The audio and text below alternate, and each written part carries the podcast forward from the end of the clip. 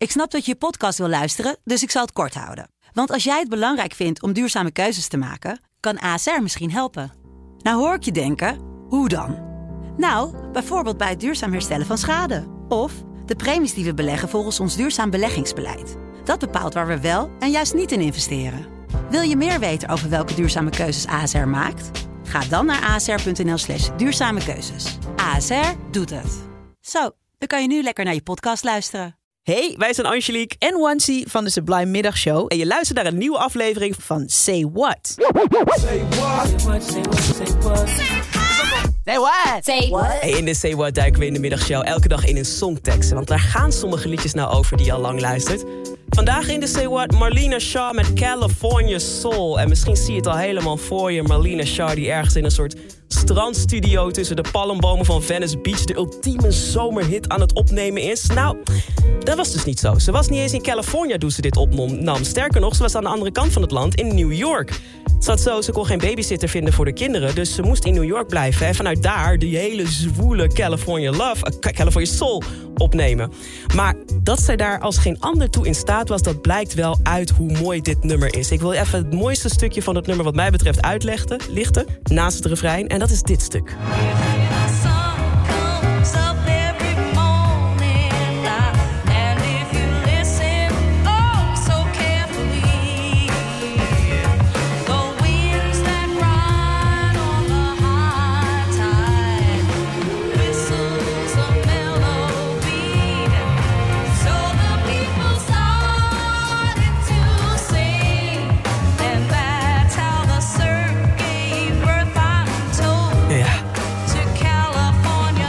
Nooit opgevallen wat ze precies zeggen, maar ze zingen daar.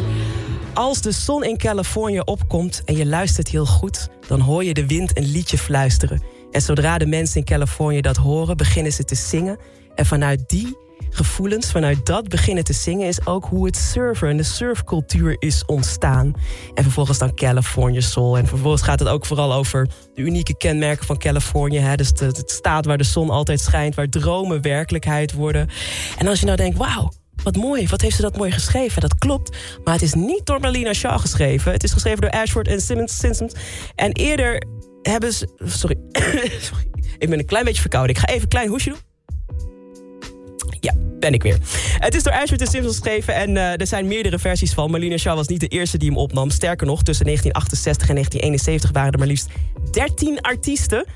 13 artiesten die precies hetzelfde liedje hadden opgenomen. Ik laat je er even drie horen. Is Fifth Dimension. Die namen hem ook op. Andere vibe weer, hè? En deze twee, Marvin Gaye en Tammy Terrell, hebben ze er ook aan gewaagd.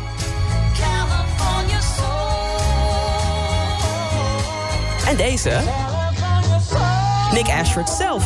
Die dacht, ik heb het geschreven, dan ga ik het ook opnemen ook. Gelijk heeft hij.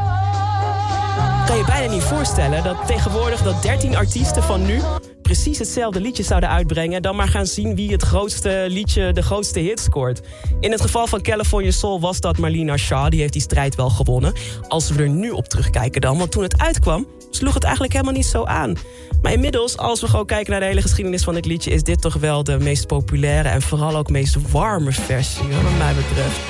In Say What dus, een lied over palmbomen en over de wind die liedjes zingt. Marlena Shaw in California Soul. Like a sound you hear that lingers in your ear, but you can't forget from sundown to sunset. Nah, nah.